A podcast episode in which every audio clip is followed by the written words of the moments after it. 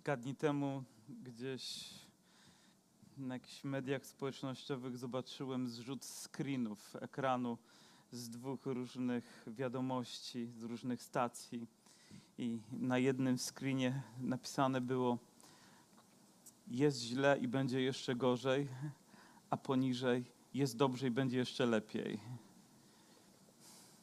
I zastanawiam się, jaka jest księga objawienia. Czy jest źle i będzie jeszcze gorzej, czy jest dobrze i będzie jeszcze lepiej? A może jest źle, będzie gorzej, a później jest dobrze i będzie jeszcze lepiej? I myślę, że jedno i drugie jest prawdą, bo nawet pośród trosk i kłopotów, pośród e, pędzących czterech jeźdźców apokalipsy jest Kościół, który żyje. Są bracia i siostry, których chroni łaska Boża i którzy mogą z ufnością przychodzić do Niego. Cztery pieczęcie zostały zerwane. Czytamy z rozdziału szóstego, doczytaliśmy do wiersza ósmego. Na końcu pojawił się siwy koń, który z pewnością wiele złego wyrządził i wiele wyrządza światu i wyrządzać będzie. Niektórzy utożsamiają go z różnymi pandemiami, z różnymi rzeczami, które przyjdą na świat i nad którymi świat nie będzie mógł zapanować.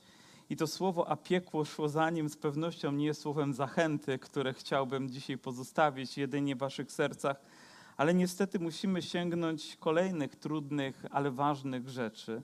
I oto kolejna pieczęć, pieczęć piąta jest zerwana i o tym mówi wiersz dziewiąty. A gdy zdjął piątą pieczęć, widziałem poniżej ołtarza dusze zabitych dla Słowa Bożego, dla świadectwa, które złożyły i wołali donośnym głosem: Kiedyż, Panie święty i prawdziwy, rozpoczniesz sąd i pomścisz krew naszą na mieszkańcach ziemi.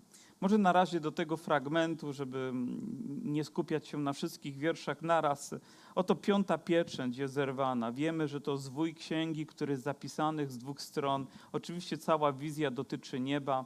Została objawiona Janowi, został tam przeniesiony, został um, pobłogosławiony tym obrazem, który tam był.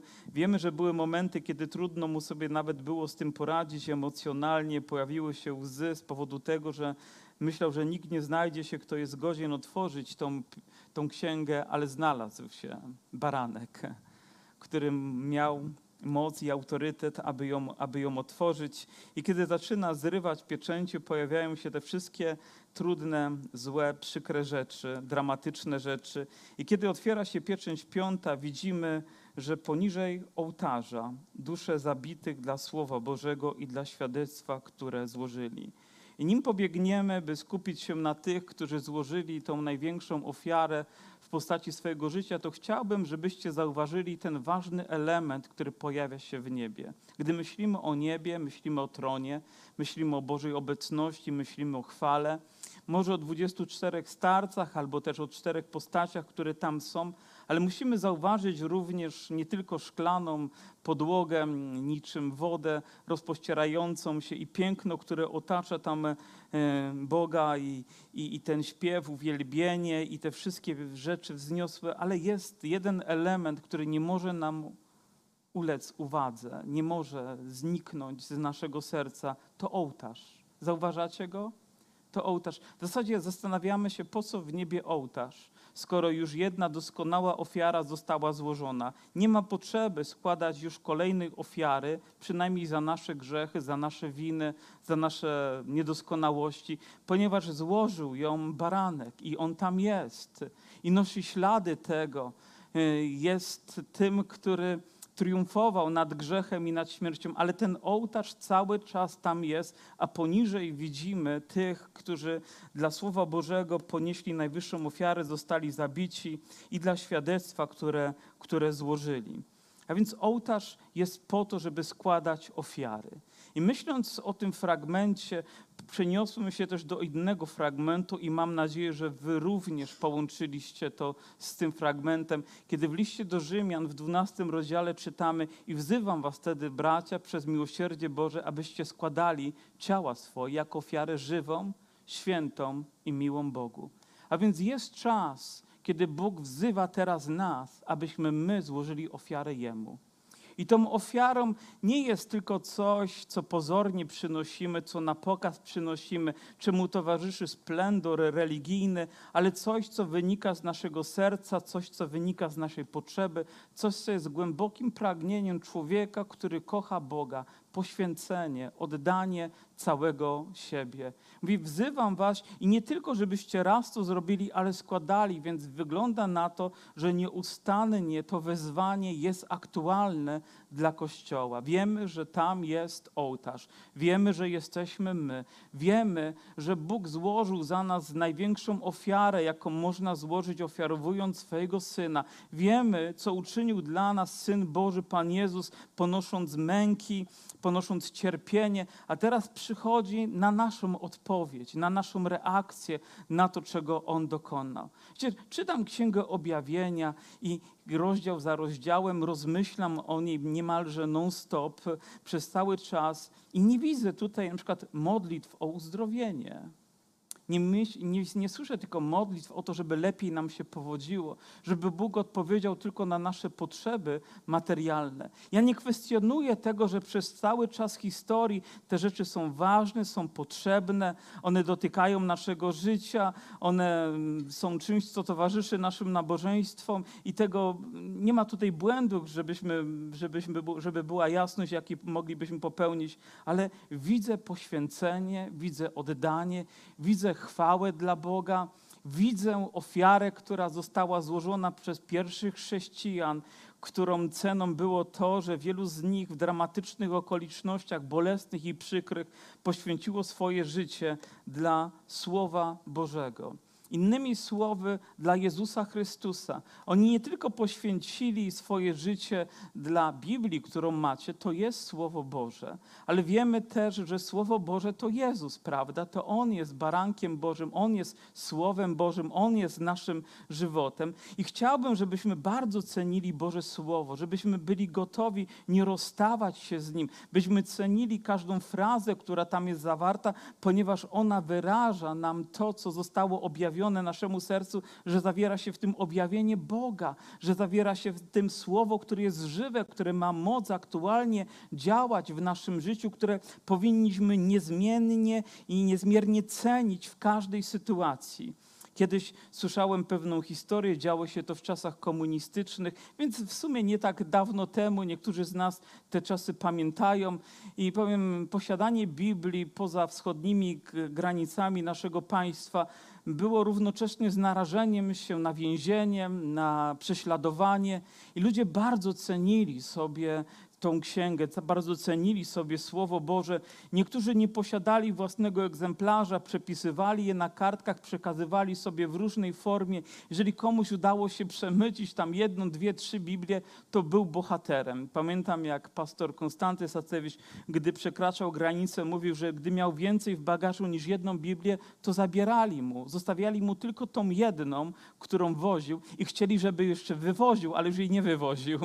Ale pewien człowiek e, rzeczywiście miał Biblię i poszedł do kościoła, wierzący człowiek, żeby przekazać komuś. I był w takim zgromadzeniu, może jak to, ale to też nie było takie oczywiste, że wchodzi do kościoła i że wszyscy są tacy wierzący, bo byli też ludzie, którzy przychodzili tam tylko, żeby prześledzić, żeby inwi- inwigilować ich od środka, a więc musiał być bardzo uważny i chciał rozpoznać prawdziwie wierzącego, więc obserwował ludzi, jak się modlą, jak uwielbiają, jak są zaangażowani, czy nie patrzą tylko po suficie, po oknach i po butach, ale widać, że angażują się i upatrzył sobie takiego jednego wierzącego i wyszedł po nabożeństwie raz nie tyle z nim, co za nim i ten szedł drogą, ten szedł za nim, ten skręcił w lewo, skręcił za nim, skręcił w prawo, skręcił za nim i tamten pewnie się czuł zaniepokojony, aż w końcu nawet nie znał języka rosyjskiego, ale zatrzymał go. Tamten był przerażony, nie wiedząc, co się dzieje,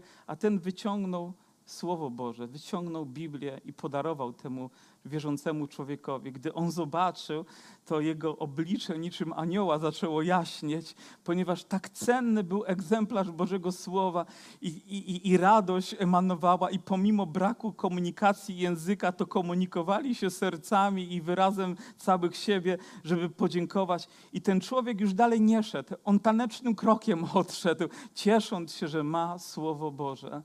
Powiem, tak cenne było, że ludzie z narażeniem życia je czytali, je przemycali, je e, starali, się, starali się z nim docierać do ludzi. Dzisiaj wydaje się to takie naturalne, takie łatwe, ale w czasach, o których czytamy i które sięgają też Księgi Objawienia czasów Jana, rzeczywiście było to niezwykle cenne, a złożenie świadectwa wobec innych ludzi, wyznania, że Jezus jest Panem, nie było tylko czymś, co było formą na nabożeństwie, ale było czymś, co było prawem w ich sercach. Oni w ten sposób deklarowali wobec całego świata, że Jezus żyje, że On żyje w ich sercach, jest Panem ich życia. Słyszałem kiedyś historię pewnego kaznodziei, który wyjechał. e, On wcześniej był pastorem takiego kościoła historycznego, nazwijmy go w ten sposób, e, bardzo formalnego, ale mm, był też kapelanem wojskowym, wyjechał gdzieś do krajów trzeciego świata, ponieważ tam stacjonowały wojska.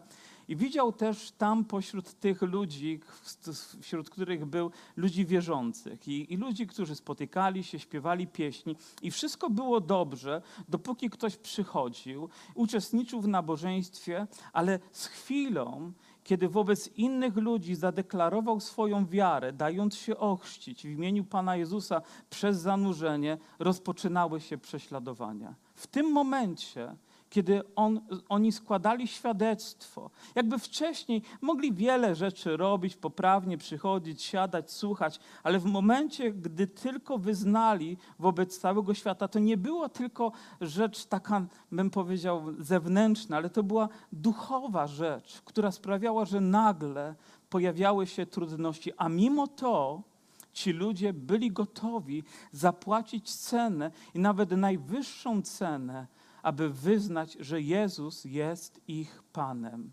A więc ma to znaczenie. I ten człowiek uznał, że również on powinien jeszcze raz zrewidować swoje życie odnośnie swojej wiary, swojego wyznania.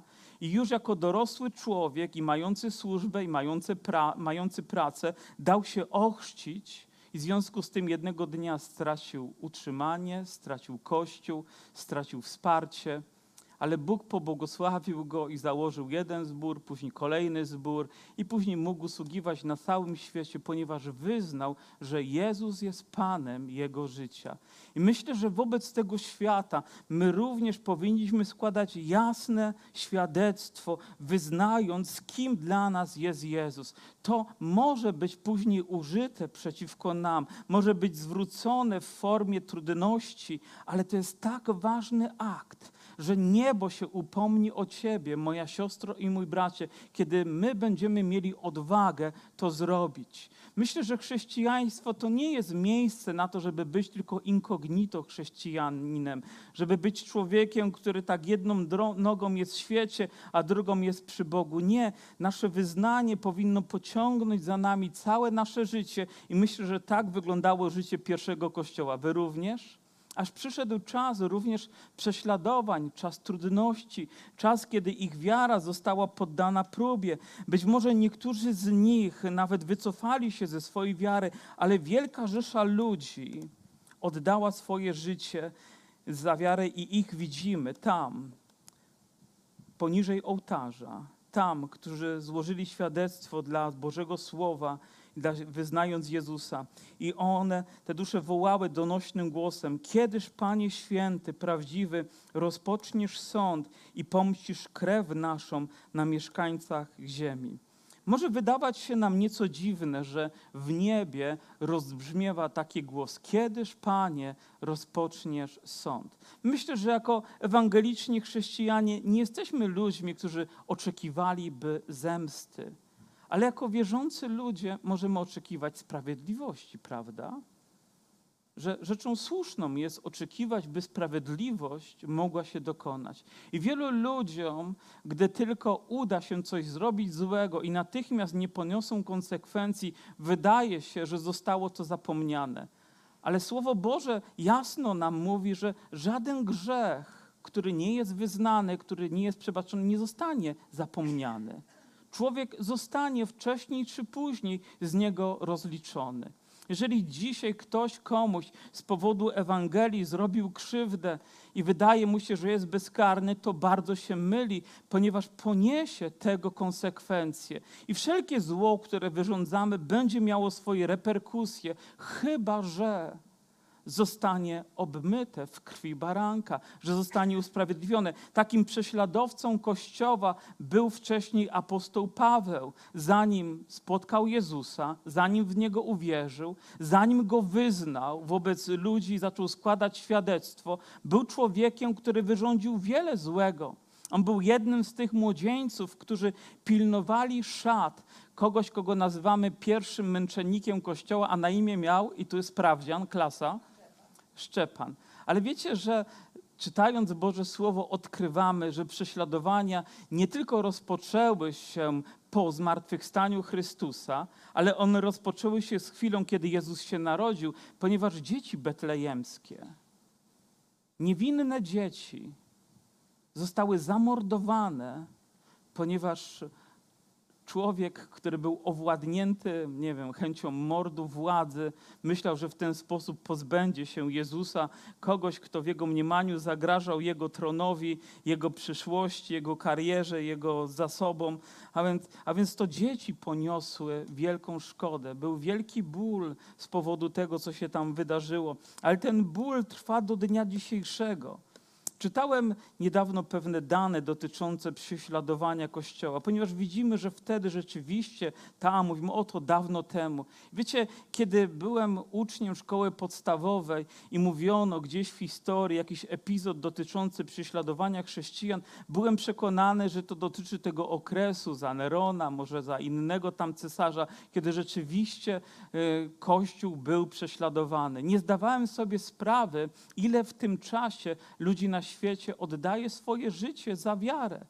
I myślę, że nawet wielu ludzi dzisiaj w kościele nie zdaje sobie sprawy, że wciąż są ci, którzy dla Słowa Bożego, dla świadectwa narażają swoje życie. Ktoś nawet opublikował dane, pewna organizacja chrześcijańska dotycząca prześladowania chrześcijan, że obecnie na świecie żyje 260 milionów chrześcijan, którzy są bezpośrednio narażeni na prześladowania i na bardzo ciężkie prześladowania. 260 milionów ludzi dzisiaj na świecie narażonych jest na to, że za chwileczkę ich życie może być zagrożone, że ktoś rozliczy ich z ich wiary. Ktoś zbadał również, że w ciągu okresu od, od pierwszego kościoła do dnia dzisiejszego z powodu wiary w Jezusa oddało życie do 2010 roku, innych danych już nie mam, poniosło śmierć 70 milionów ludzi. A mówimy o to kiedyś, w tym w XX wieku 45 milionów ludzi. 45 milionów, gdy my żyliśmy w tym wieku, poza naszą świadomością, oddawało życie. I dzisiaj gdzieś na świecie ludzie oddają swoje życie za wiarę w Jezusa. Gdzieś nasi bracia są prześladowani, torturowani, może nawet paleni żywcem z powodu tego, że zachowują wiarę w Słowo Boże. A więc czy jakaś taka sytuacja, w której my jesteśmy, ona wydaje się jakby, nie wiem nawet jak ją nazwać, niczym w porównaniu z tym, przez co musiał przechodzić pierwszy Kościół, przez co przechodzi żywy Kościół, pełen mocy Kościół Jezusa Chrystusa. I to nie świadczy o tym, że Bóg tych ludzi mniej kochał. Gdy przyszedł czas prześladowań pierwszego Kościoła i Herod z- pojmał i zabił Jakuba i spodobało się to wszystkim ludziom, więc pojmał również Piotra. I wiemy, że tamten zapłacił cenę, a ten został w ponadnaturalny sposób uwolniony. Nie oznaczyło to, że tego kochał bardziej, a tego kochał mniej. Nie oznacza to, że ci bracia gdzieś w Korei Północnej są mniej umiłowani w Panu, albo nasi bracia, którzy żyją w państwach islamskich, gdzie rzeczywiście prześladowania są również wielkie, albo gdzieś w Afryce, albo w Indiach, to, że Bóg ich mniej kocha. Nie. Bóg kocha ich tak samo jak nas. Ogromnym przywilejem jest żyć w tej części Europy, cieszyć się pewnymi swobodami, ale może przyjść dzień, kiedy Bóg upomni się o nasze życie, upomni się o nasze serce. I może nie dlatego, że nawet miecz zostanie przyłożony do naszej szyi, nie dlatego, że ktoś zagrozi nam więzieniem, choć to może się za chwilę stać, ale gdy będziemy staczać walkę z pokusami, może z jakimś liberalizmem, może z jakimiś innymi rzeczami. Powiem, będzie trzeba zapłacić cenę, aby złożyć swoje życie w ofierze e, naszemu Zbawicielowi. Kiedy czytam historię też Józefa, akurat w tym momencie jestem, że jestem w Księdze Objawienia w Księdze Genezis i gdy czytam o tym, że on codziennie był kuszony przez kobietę, która chciała, powiem, zwieść go mm, seksualnie, tak, to chyba jest właściwe słowo, kiedy chciała go, on codziennie odmawiał i codziennie przeciwstawił się i poniósł za to cenę, bo został wtrącony do więzienia. Był niewinny, a mimo to został ukarany, ale codziennie miał odwagę przeciwstawić się. Nie wiem, jaką cenę Tobie przyjdzie zapłacić, ale każdy z nas będzie musiał ją uiszczyć, ale dla Boga jest to cenne. I oni mówią, kiedy rozpoczniesz, Panie, sąd? Gdybyśmy chcieli ich oskarżyć, to najpierw sami musielibyśmy przez to przejść, by móc w ten sposób powiedzieć, ale przyjdzie czas, kiedy Bóg wobec każdego człowieka wyciągnie konsekwencje. I dano każdemu z nich szatę białą, każdemu z nich.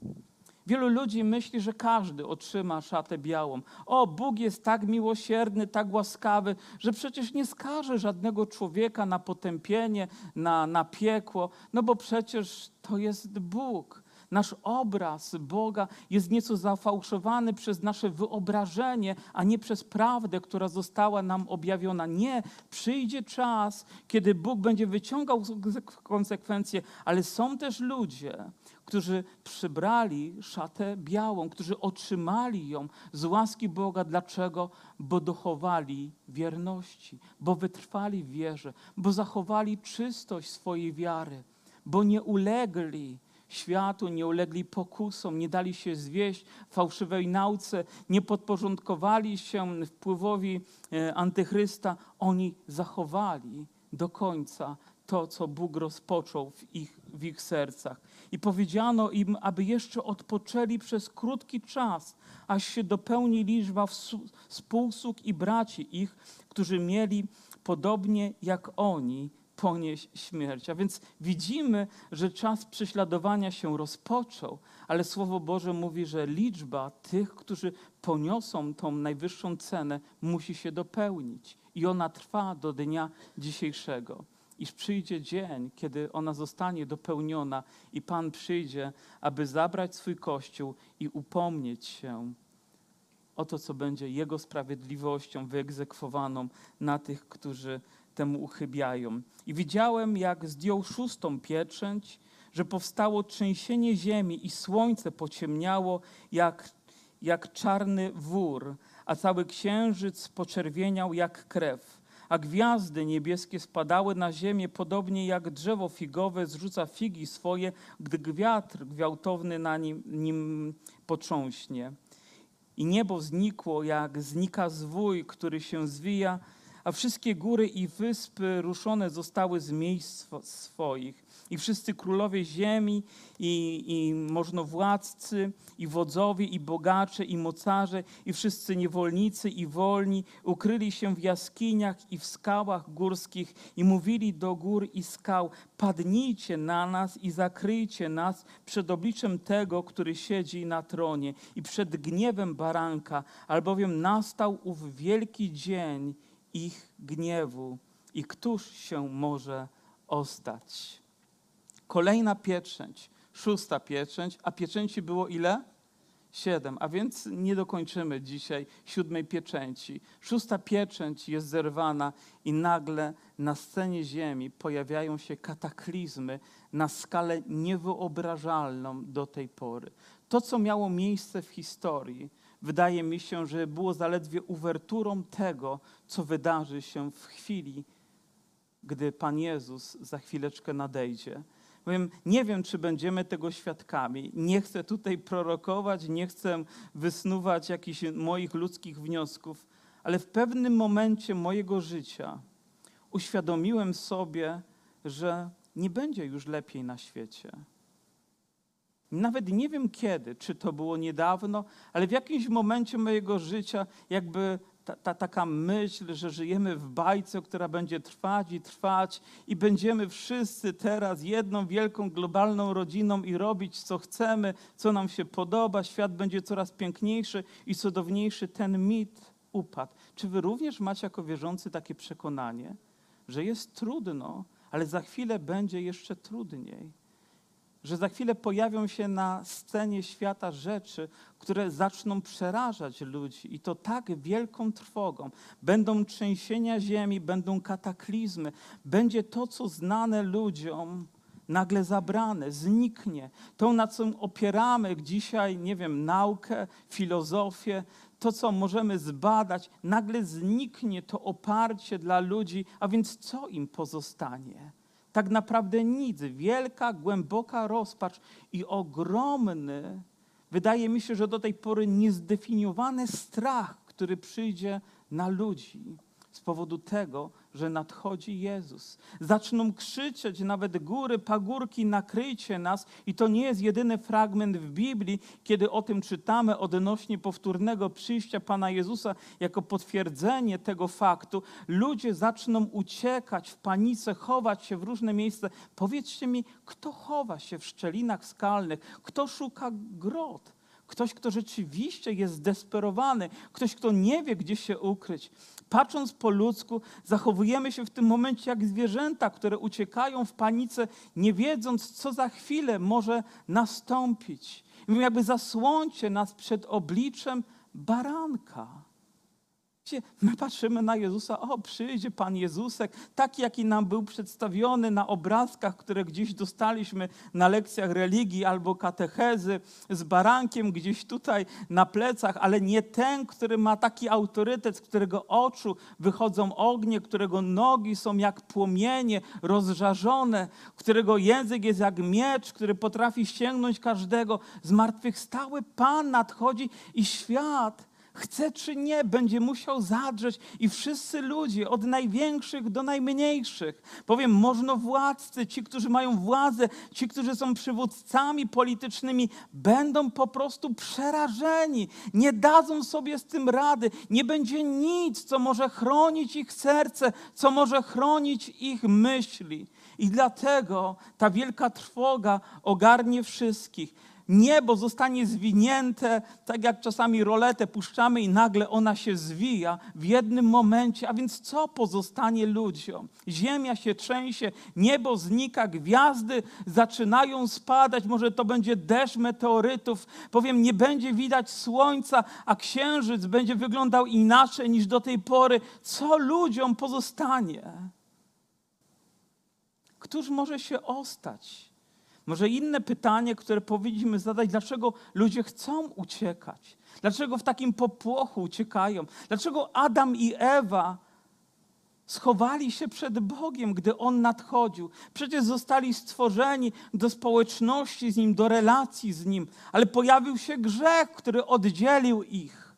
Pojawiło się zło, które wypełniło ich myśli i ich serca. I tak jest z każdym, kto nie pozna Jezusa osobiście, kto nie przyjmie Jego ofiary, kogo grzechy nie zostaną przebaczone, kto nie zostanie uwolniony od ich konsekwencji, będzie przerażony. I Słowo Boże mówi, któż może się ostać? Ludzie będą w panice uciekać, ale któż może się ostać? Kto może spojrzeć w oblicze baranka? Kto może być z nim twarzą w twarz? Kto może przyjść przez jego tron? Ci, którzy mają białe szaty, ci, których krew baranka strzeże, Ci, który, którzy narodzili się nie tylko z woli człowieka, ale narodzili się z ducha. Ci, którzy uwierzyli, że tylko w Jego imieniu jest zbawienie. Ci, którzy trwają dzisiaj w Jego słowie. Ci, którzy uznali, że Słowo Boże w ich życiu będzie najważniejsze. Ci, którzy dochowają Mu wierności bez względu na cenę, którą trzeba będzie zapłacić, nie będą musieli uciekać. Nie będą w tej hegemonii strachu, która będzie dominować, ale będą wolni. Wiecie, kiedy czytamy drugi, tyż, drugi list do Tymoteusza, pierwszy rozdział i siódmy wiersz, czytamy, że nie dał nam Bóg ducha takiego strachu, bojaźni, ale ducha miłości, pokoju, nadziei, wytrwania. Wiecie, to nie będzie czas, kiedy będziemy musieli się bać, to nie będzie czas, kiedy będziemy musieli uciekać, ponieważ jesteśmy Bożymi dziećmi ponieważ oczekujemy Jego przyjścia. Kiedy po raz pierwszy usłyszałem o tym, że Jezus ma przyjść, rozpocząłem moje wieczorne modlitwy.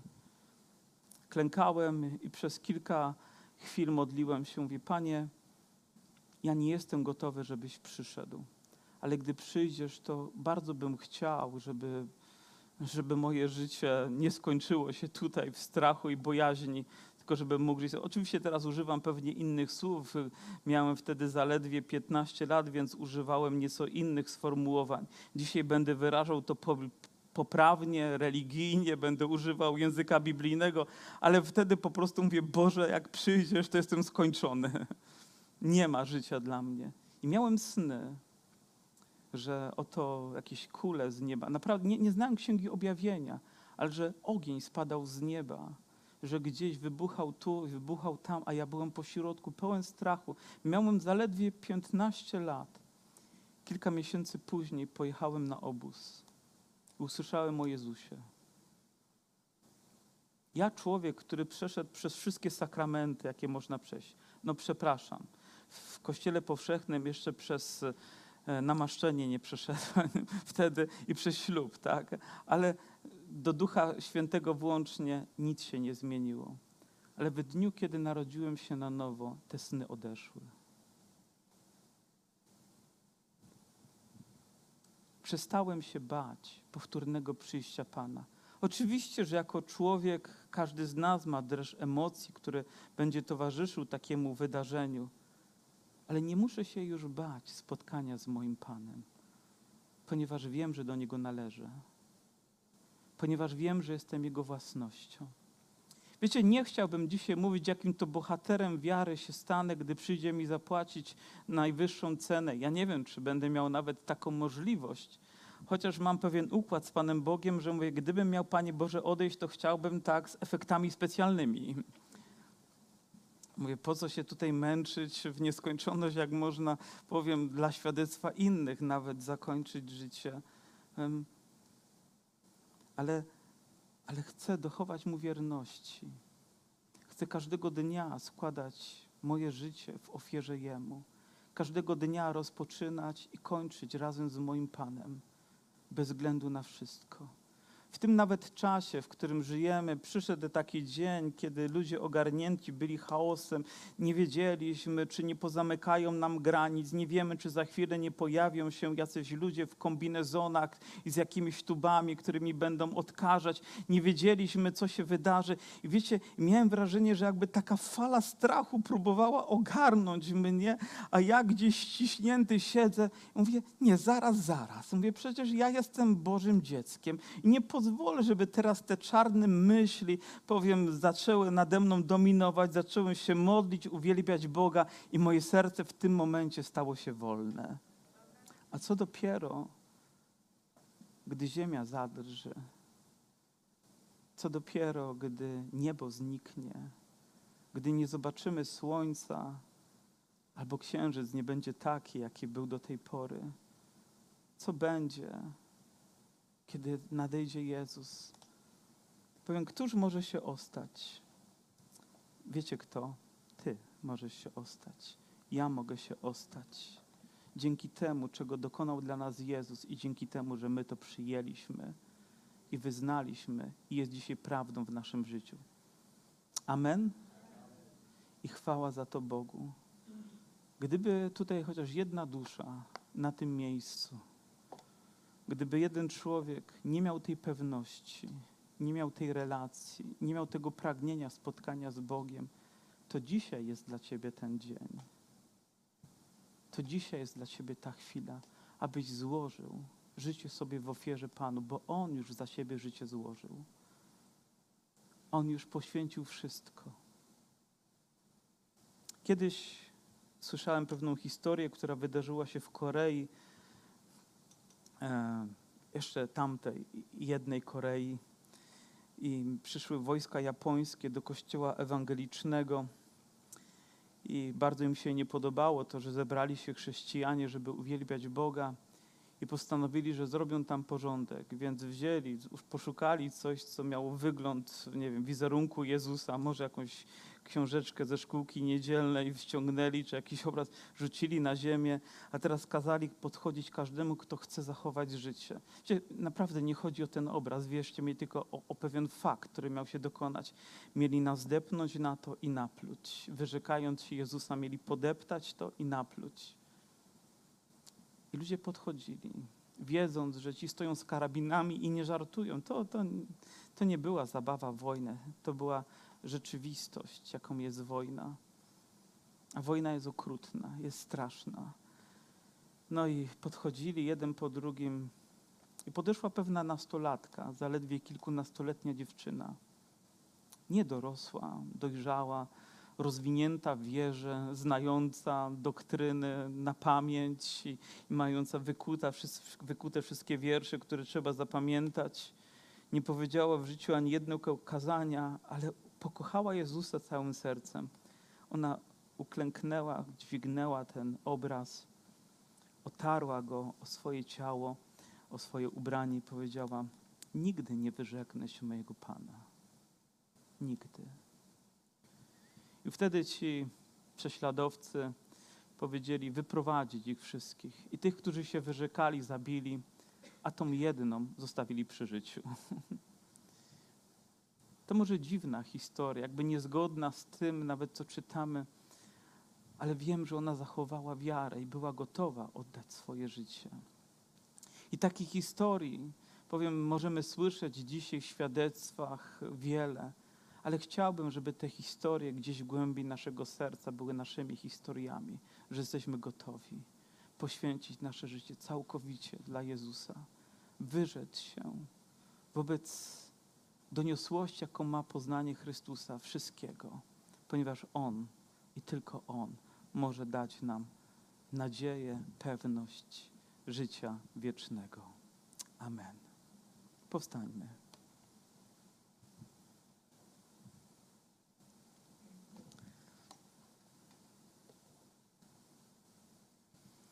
Biblia taki czas, który mamy dzisiaj, nazywa czasem łaski, czasem Jego przychylności, z której my, jako ludzie wierzący, mamy przywilej skorzystać. Używając nomenklatury ludzkiej, taki czas amnestii, czas, kiedy możemy do Niego przyjść, powierzyć Mu nasze życie, powierzyć Mu nasze serce. Wiecie, wielu ludzi jeszcze tego nie zrobiło. Wielu ludzi, którzy chodzą do kościoła, nie zadeklarowało swojej wiary tak, jak powinni to zrobić.